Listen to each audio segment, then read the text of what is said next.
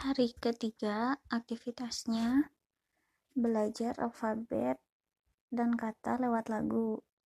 Proses kreativitasnya bernyanyi, bergerak sambil belajar, merangsang kemampuan motorik dan bahasa.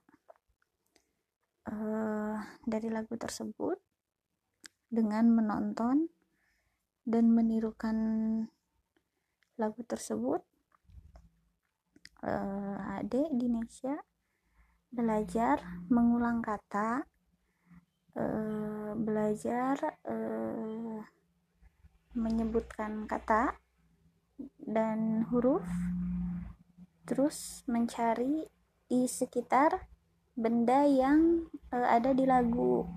Misalkan uh, jam. Uh, jam mana ya? Oh itu yang nama jam yang namanya jam itu terus belajar menyebutkan.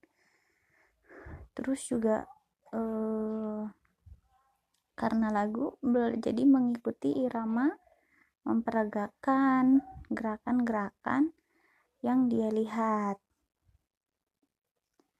E, dari belajar alfabet itu e, setiap huruf e, kita bela mencari kata yang berawalan huruf tersebut dari A sampai Z. Belajar eh, ada belajar merespon tontonan yang dilihat.